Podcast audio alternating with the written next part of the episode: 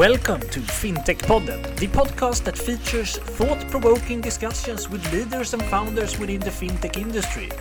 From core banking to Bitcoin, we cover it all. Now, get ready for the next episode. Hi, and very welcome back to FinTech Podden. In today's episode, you have me and uh, Johan, of course. Hi, Johan. Hello, hi. And we are also joined by a guest today, and that is no one else than Camilla Bullock. Very welcome to FinTech Podden, Camilla. Thank you very much. I'm pleased to be here. Nice to have you here. How are you today? I'm good, thank you. It's been a bit of manic day, but coming to the end of it. So, and I'm still alive.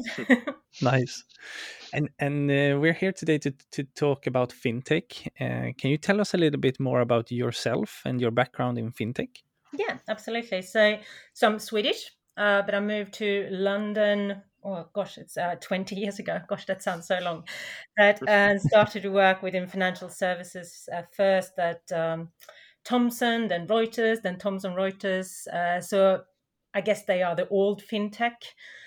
Uh, and moved with them to Australia.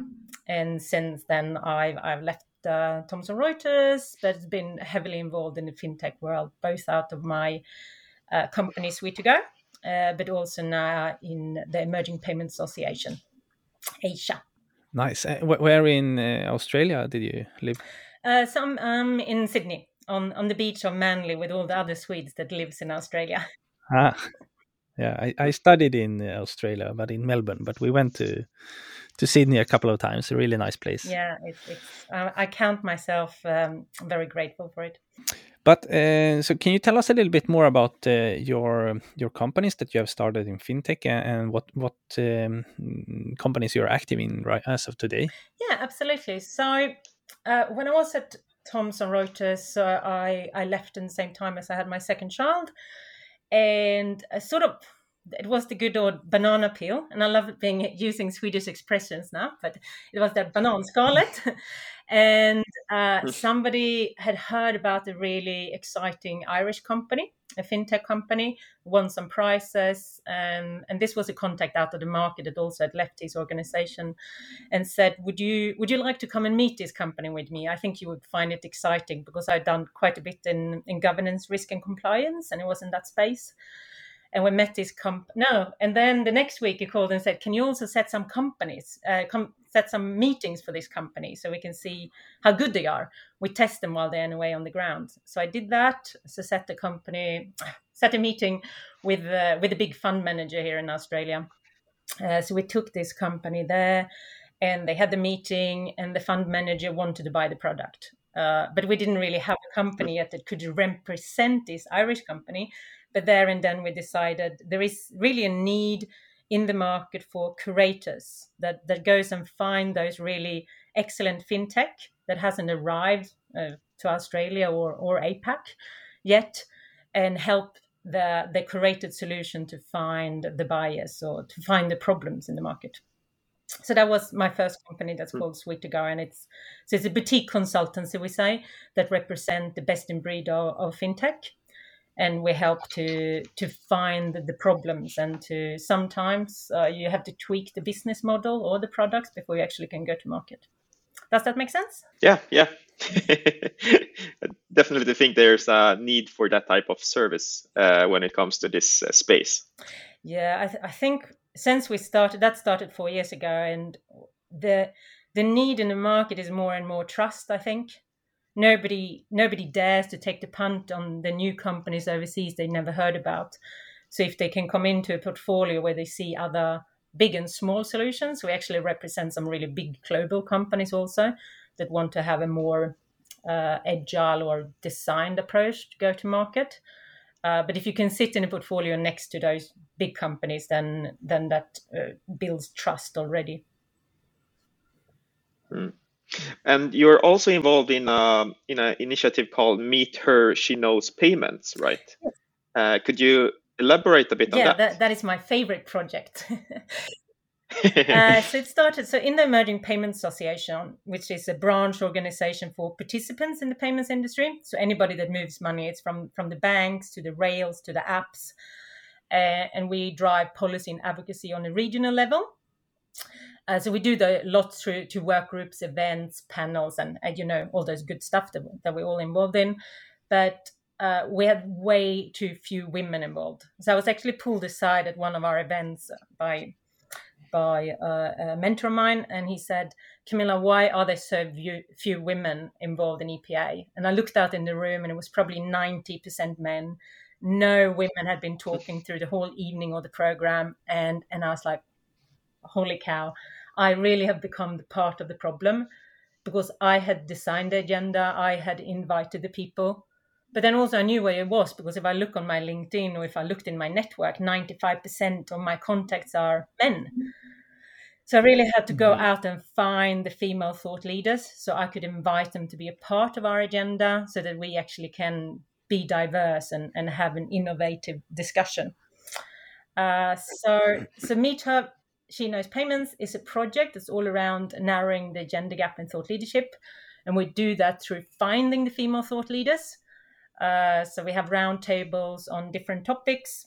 Uh, it started off actually to be a face-to-face event, but then when COVID came, we took it online, and that was probably the best thing that happened for the project because we now can pull thought leaders from the full region or globally. So we've had uh, we've had participants from from UK, from US, from uh, South America, and then of course from the full full APAC region. So we come together, twelve women, talk about one topic. It's not about career development or mentorship or anything like that. It's pure knowledge and expertise.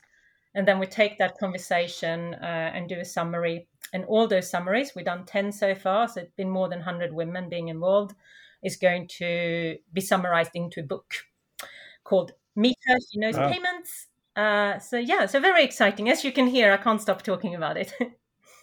yeah, looking forward to the book then. So you have to uh, uh, let us know when it's public, and we can put it out in our channels as well. Absolutely, I'll scream from the rooftop. and uh, but if if you if you if there's someone that wants to get involved, where can they find more about this project? Uh, so there is a webpage uh, called Meet Her She Knows Payments, and uh, also yes reach out to me on linkedin. I'm very approachable. And uh, I, the cool thing is that we already see that we become a go-to source for female thought leadership. So i have organization that calls me when they need a female speaker. Mm. uh, and also um, we have a, a, new project the global payments forum uh, which is which is a big project, it's a global project feeding into the G20. But we have three co-chairs, and while the the APAC co-chair is uh, is a woman from this project, and I wouldn't have known her, and I couldn't have put her forward to this role if it wasn't for the project. So, so already hmm. narrowing the gap, which we're super excited about. Hmm. And uh, as you said in the beginning, you're based in Australia, uh, but you also have some insight in the Nordic and Swedish fintech market. Um, but if we take a look at the current status of uh, open banking specific in the Pacific region, what would you say is the status over there? Uh, it's a little bit. It's been a little bit uneventful still. I think we're all holding our breath mm. to see the big solutions that are drift, different. But if you look in Australia, it's just the read write still, so you actually can't do payments initiations. And I think a lot of that mm. kind of innovation we're waiting for, we'll see one once that is passed, and, and that is in the making. It will come soon. Uh, Singapore is quite far. Uh, so they had a different approach where they didn't have specific dates and timelines, so not as regulated as Australia. Uh, but they also have a very good sandbox called uh, APIX or AFIN that is backed by MAS. So you've seen a little bit more involvement there, but it's it's still not those amazing solutions that I think that we will see in the future. Uh, how, what do you think? What are you seeing? I'm always curious about that. What is the most exciting open banking solution that you have seen? Very good question, I would say. But I, I guess uh, if you look at a broader view and uh, also include like financial super apps, maybe not uh, specific open banking, but I think like the super apps development in the Pacific and Asian region uh, have uh, leapfrogged the development in the US and Europe. So I think there is what the development is happening right now, like integrating different industries and services in one single interface. That is the pure power of open banking in the future, I think, and that is a development I believe we will see in Europe as well in the coming years.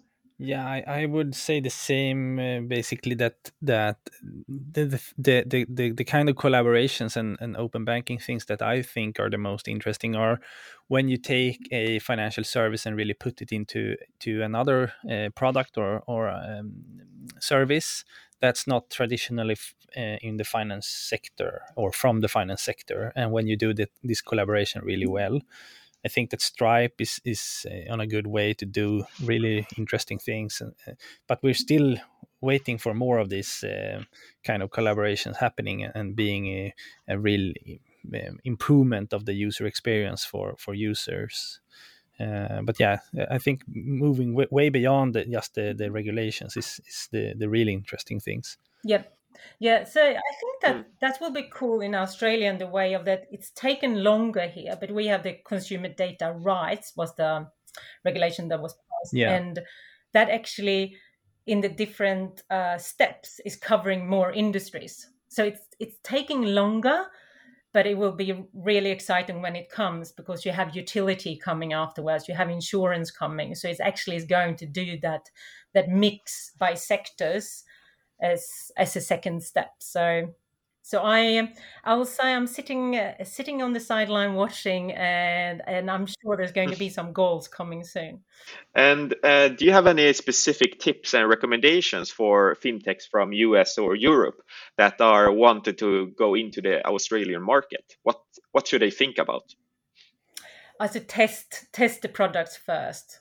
I definitely think. I mean, but but that goes without saying. So to find their test group, and it's not just the product; it's the commercial model also.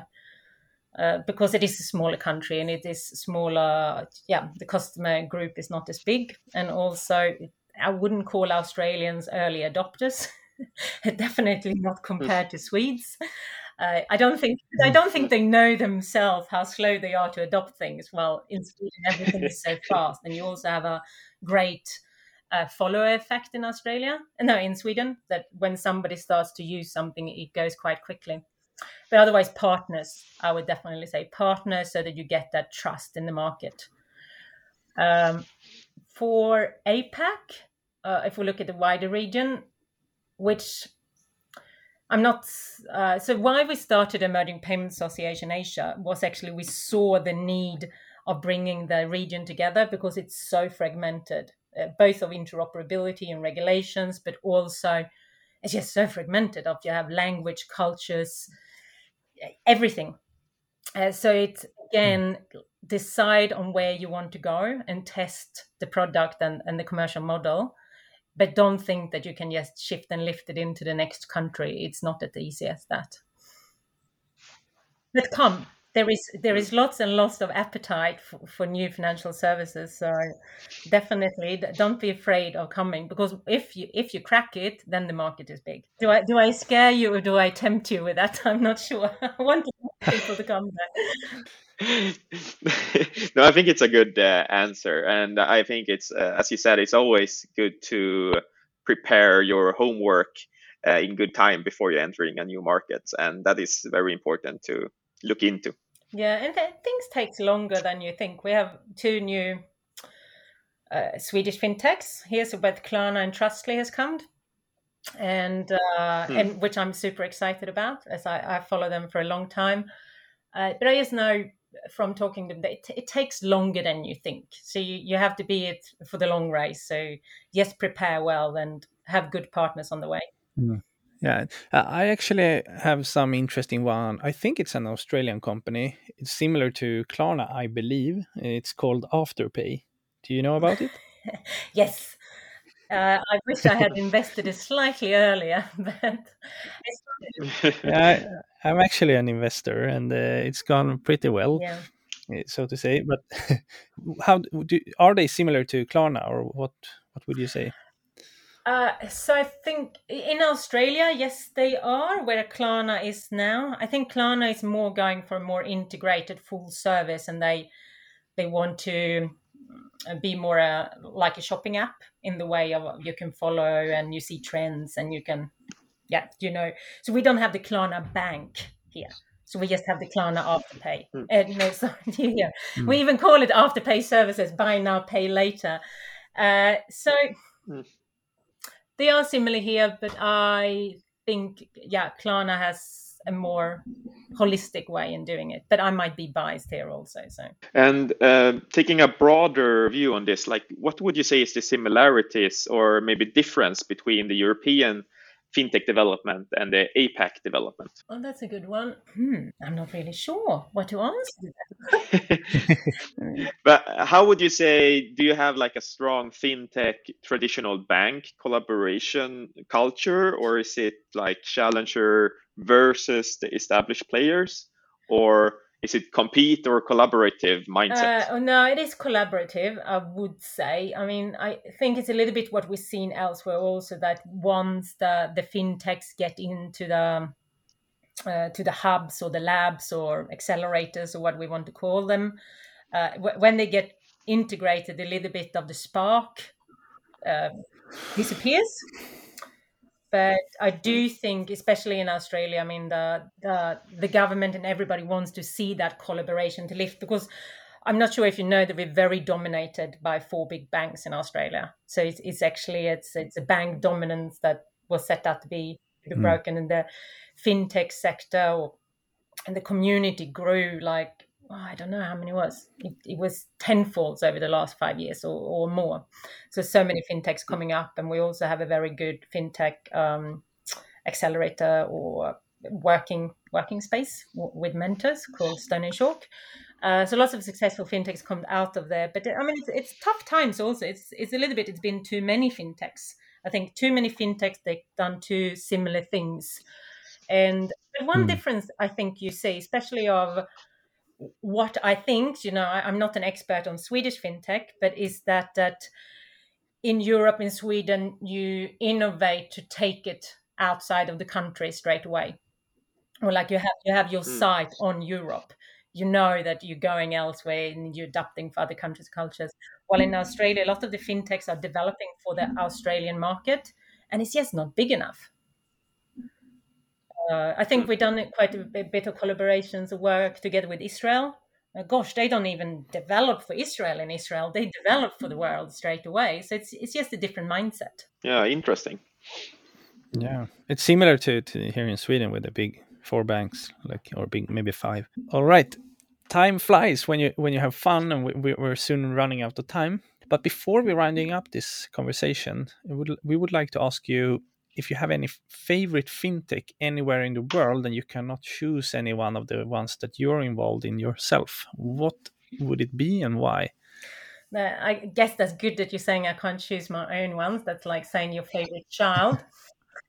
uh, but I revert to the dog always when I get asked about the children. But anyway, uh, I think it it is hard to say because I would go for those those fintechs who really uh, are solving for fraction and, and do it for the players or the, the customers that really need it. I think that's something I often think about. Like when you're solving for uh, entrepreneurs or SMEs in, in the accounting space, well, it's quite a few ones there. Or also when you're solving in, in APAC, you have the underbanked development. So if you really solve something that makes a huge difference, I think those are the fintechs I would go to. One that I really admire is bKash from Bangladesh.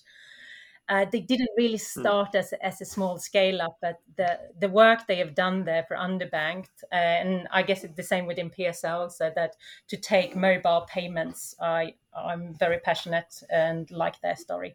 So I would also call out hmm. uh, a Swedish one that I would love to come to Australia to sort out my subscriptions, and that is Minna Technology. I, have called it several hmm. times and said, guys, it really is, you, you have a market here. So if they're listening, I'm ready to take you here. we have actually had them in the podcast. I think somewhere episode 18 or something like that. Uh, it was a, a year ago or so. Oh, but the pain, the Mm. pain on subscription that you don't know you're paying, it's like Yeah. it's massive, and that's really solving something. Yeah. Yeah, I agree. But yeah, very nice uh, fintechs, and we will put them in the, the description below the podcast so people can find them. And um, I think uh, with that said, uh, we would like to thank you so much for joining the the podcast, uh, Camilla. Thank you for having me. And uh, we wish you the best of luck with your with your um, future work in your fintechs. Oh, can I come back when I've written the book? Absolutely. We have to book that in. I will let you know. Yes, perfect. But uh, yeah, see ya. See you. Thank Bye you. bye. See you. Bye bye. And that was it for today's episode. We hope that you liked it. Both I and Johan are very happy and thankful that you're listening to us. And if you like what we do here, please go into iTunes or whatever platform you're listening from and leave a review or a rate. We would appreciate that a lot. We will soon be back with another episode, and until then, have a good time.